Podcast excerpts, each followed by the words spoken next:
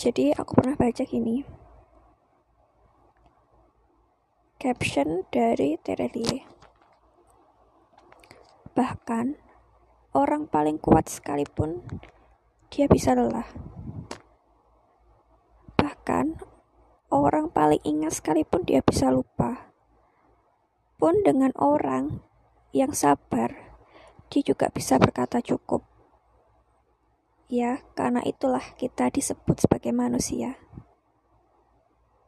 Jangan terlalu sering memendam semuanya sendiri. Jika tidak ingin, balon yang ditiup terus-terusan dengan angin akan meledak. Semangat!